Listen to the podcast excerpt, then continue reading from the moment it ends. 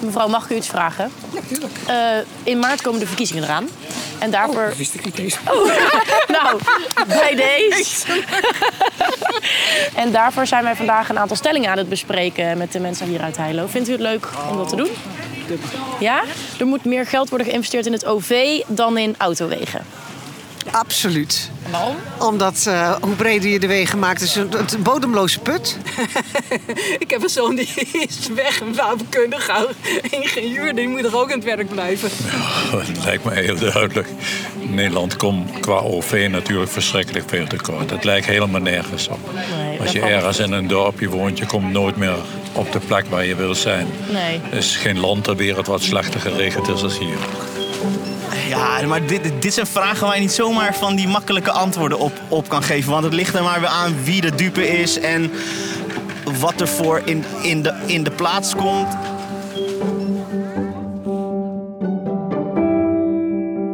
De komende jaren komen er veel Noord-Hollanders bij, waardoor het nog drukker zal worden op onze wegen. Hoe gaan we met die drukte om? Kiezen we voor meer openbaar vervoer of voor een nieuwe weg? Want wat is er in de toekomst nodig om ons ook dan vlot en betaalbaar van A naar B te kunnen brengen? Zorgen voor aantrekkelijk openbaar vervoer en provinciale wegen aanleggen en onderhouden, daarover gaat de provincie. Op 15 maart zijn er weer provinciale statenverkiezingen. Het moment om jouw stem te laten horen en te bepalen wie de komende vier jaar de beslissingen nemen in het provinciehuis. Mijn naam is Eva Eickhout en je luistert naar de podcast Kies maar. In deze podcast gaan we op zoek naar het verhaal achter de stellingen uit de stemhulp, zodat jij aan het einde van de aflevering een weloverwogen keuze kan maken. Dit is aflevering 2 en daarmee ook stelling nummer 2. Er moet meer geïnvesteerd worden in het OV en minder in autowegen.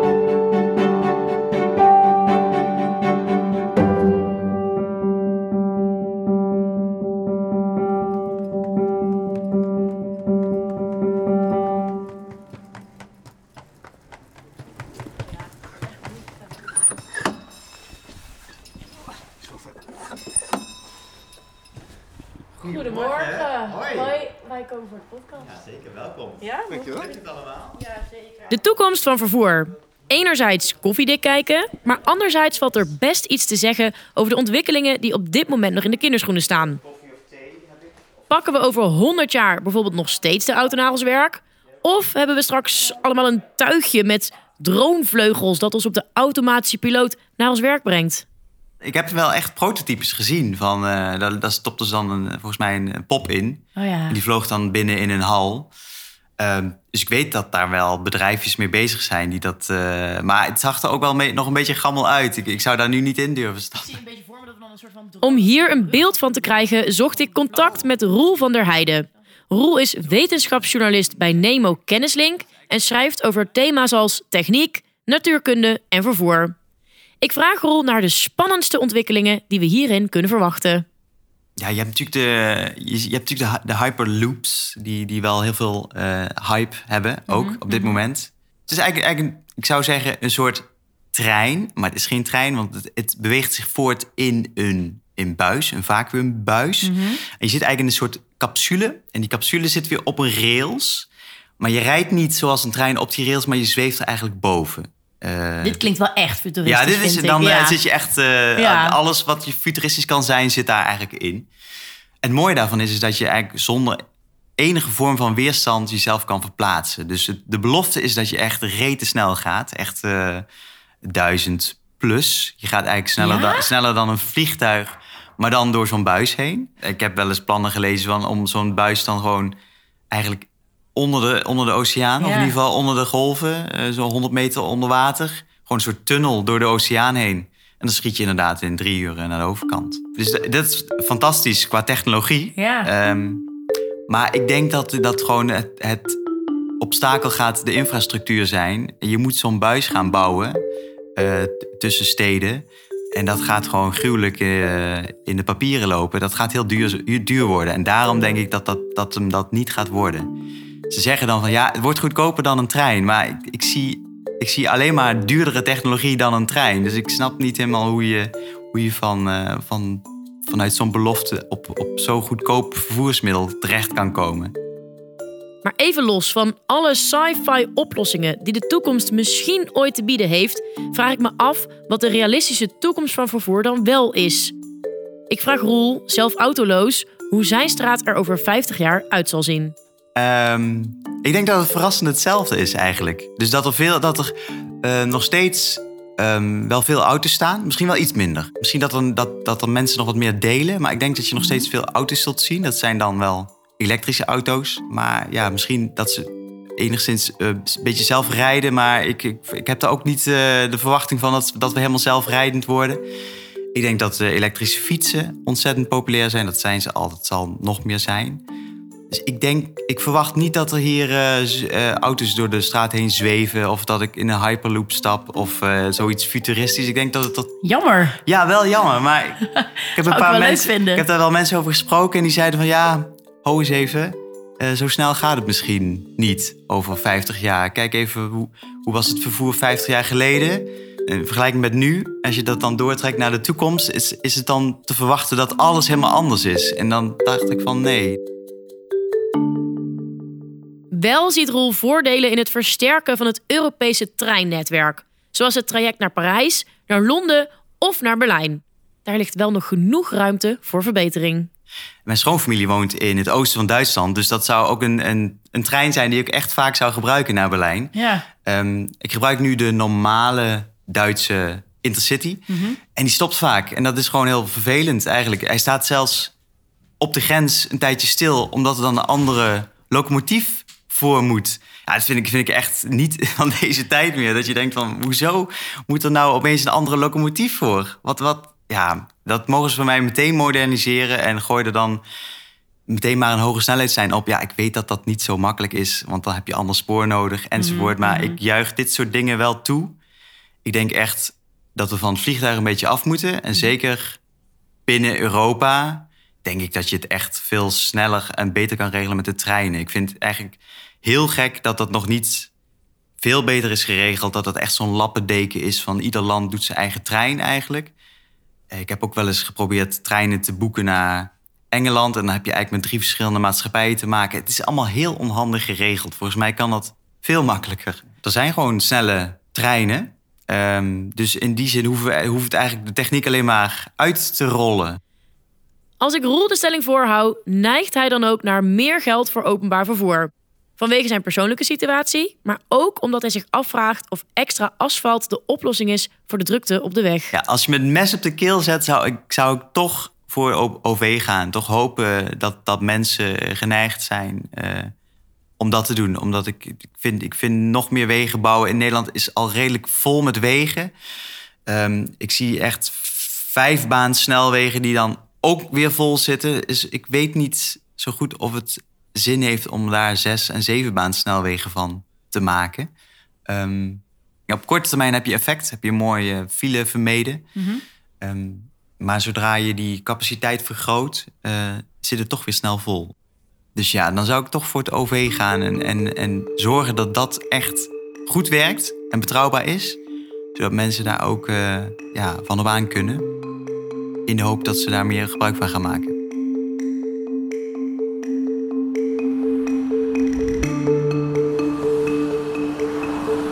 Naast Roel spreek ik meer mensen die beter openbaar vervoer voor Noord-Holland belangrijk vinden. Ook op plekken waar het OV op dit moment nog niet massaal aanwezig is. Maar ik hoor ook verhalen voor wie het tegenovergestelde geldt. Mensen die zonder autowegen kunnen. Ook ik, presentator van deze podcast, ben één van die mensen. Ik ben geboren met een lichamelijke beperking, maak gebruik van een elektrische rolstoel en ik rij in een aangepaste bus. Het OV is simpelweg minder toegankelijk met een rolstoel, maar zo zijn er natuurlijk meer mensen die niet zomaar in de trein kunnen stappen. Als ik kijk naar alle ondernemers, hoe die hun werk moeten doen en alle transportbedrijven, ja, dan houdt het natuurlijk gauw op als we daar niet verbeteringen in doen. Zoals ook John uit het plaatsje Wochnum. Hij heeft een eigen hoveniersbedrijf en is voor zijn werk afhankelijk van zijn bedrijfsauto's. Zonder goede bereikbaarheid van de weg zou hij zijn werk niet kunnen doen. Ik zoek hem op bij zijn bedrijf aan de N241 in Noord-Holland. Ik ben John Komen, onder 35 jaar ondernemer in Noord-Holland. Uh, op dit moment ben ik daarnaast ook uh, voorzitter van de branchevereniging van de uh, hoveniers en groenvoorzieners. En zit ik ook in MKB Nederland. Dus ik spreek niet alleen namens John Komen, maar ook namens misschien wel alle ondernemers in de regio. Ook aan John leg ik de stelling van deze aflevering voor. Er moet meer geïnvesteerd worden in het OV en minder in autowegen. Nou, daar ben ik het niet volledig mee eens. Laat ik het zo zeggen. Als individu ziet John namelijk de waarde van goed openbaar vervoer. Maar als ondernemer kan hij niet zonder asfalt. Ik denk dat het belangrijk is om ook asfalt te hebben. Het is een en-en situatie. Ja. En natuurlijk verkeer beter en economischer en technischer inrichten. En misschien ook wel uh, verzekeraars uh, de files laten betalen bijvoorbeeld. Moet je kijken hoe snel de files dan opgelost raken. Daar ben ik zelf erg voorstander van. Ik sta er te vaak in. Mm -hmm. Maar uh, nee, ik denk asfalt, we kunnen niet zonder asfalt. En zeker niet als bedrijven.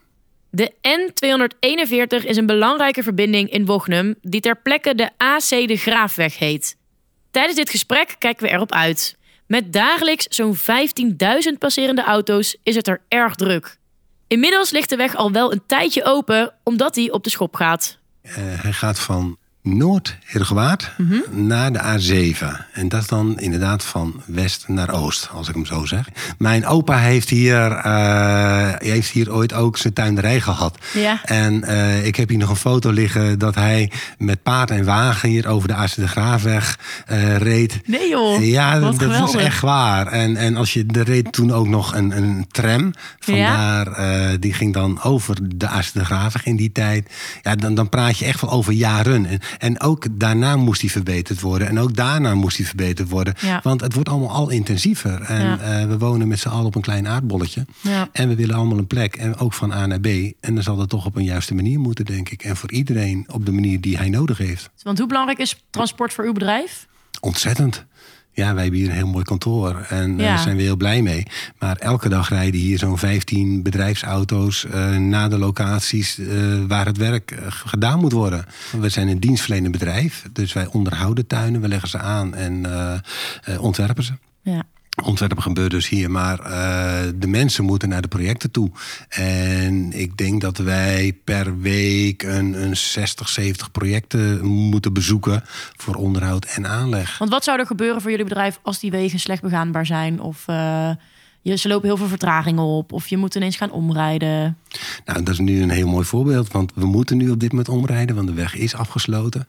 Ik vanwege denk, werkzaamheden? Ja, dat ja, dan weer wel. Ja, ik denk als wij, uh, stel even afgerond, uh, nu met 30 mensen, ze rijden een kwartier om. Dat is uh, anderhalf uur.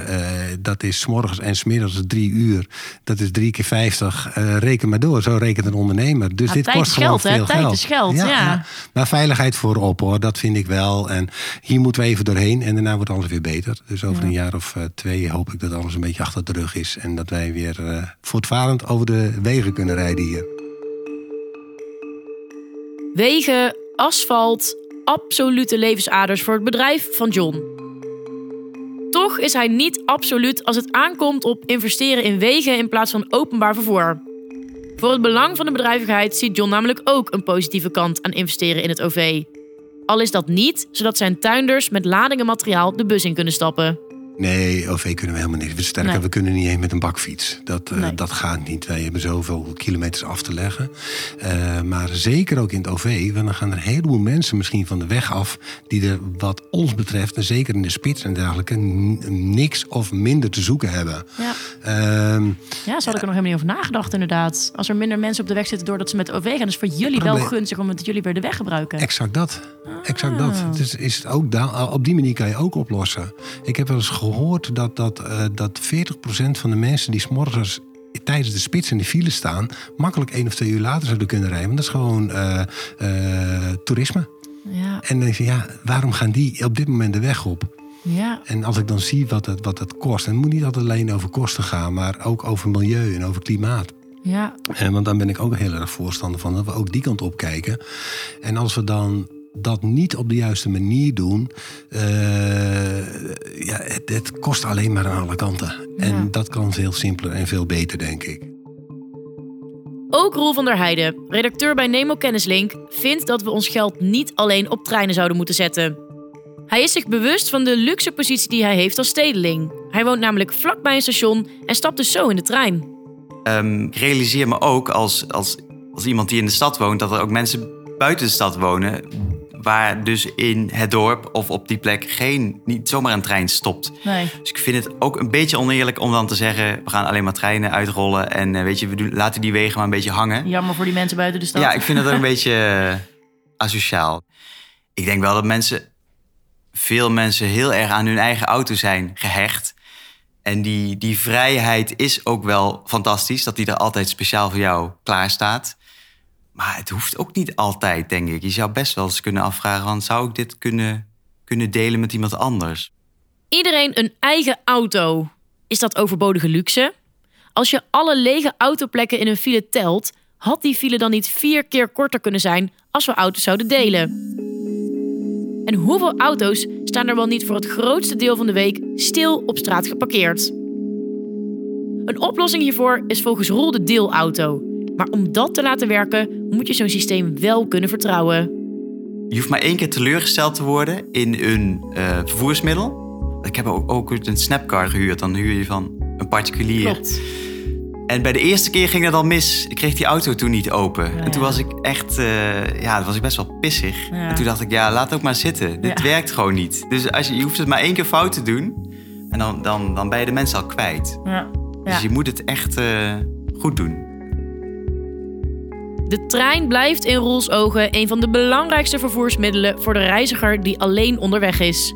En we mogen volgens hem best wat trotser zijn op ons OV. In, in het buitenland heb ik wel eens gehoord. eh, het eerste wat iemand tegen mij zei.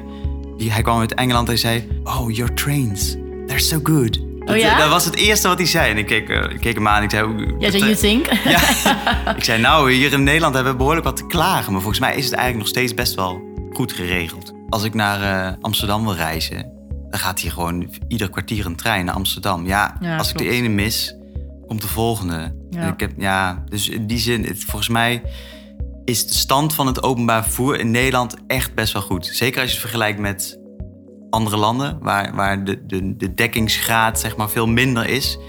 Eh, je kunt in feite naar ieder dorp in Nederland met, met de bus of met de trein. Dus dat vind ik wel dat vind ik een heel groot goed. En ik denk ook dat we moeten, ja, ervoor moeten zorgen dat dat blijft, op zijn minst. Dus dat vergt wel investeringen, ja. Je moet dat niet eh, wegbezuinigen, zou ik zeggen. En wat, wat kan er beter in het OV volgens jou? Waar zou je beginnen?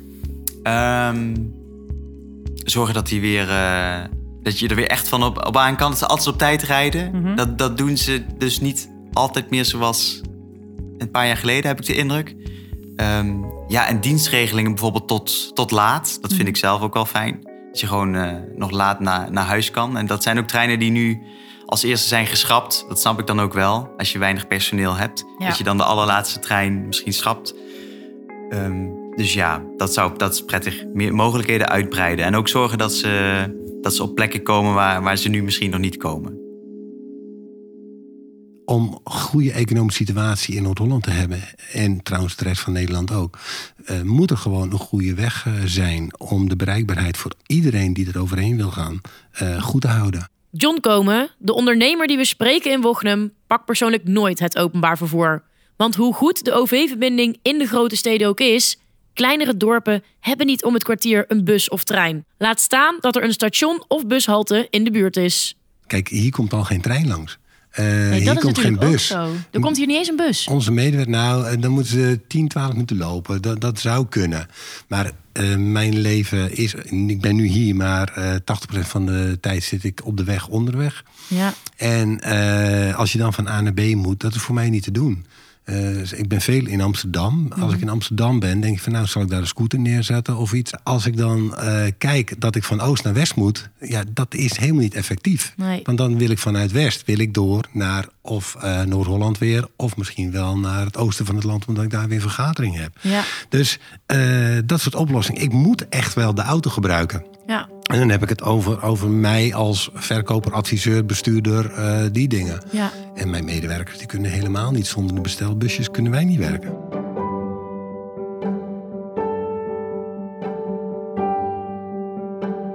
Op 15 maart is het aan jou. Kies maar wie jouw mening de komende vier jaar moet vertegenwoordigen in de provincie. Ben je er nog niet helemaal uit welke partij dat moet zijn? Vul dan jouw antwoord op deze en nog 23 andere stellingen in op noord-holland.mijnstem.nl.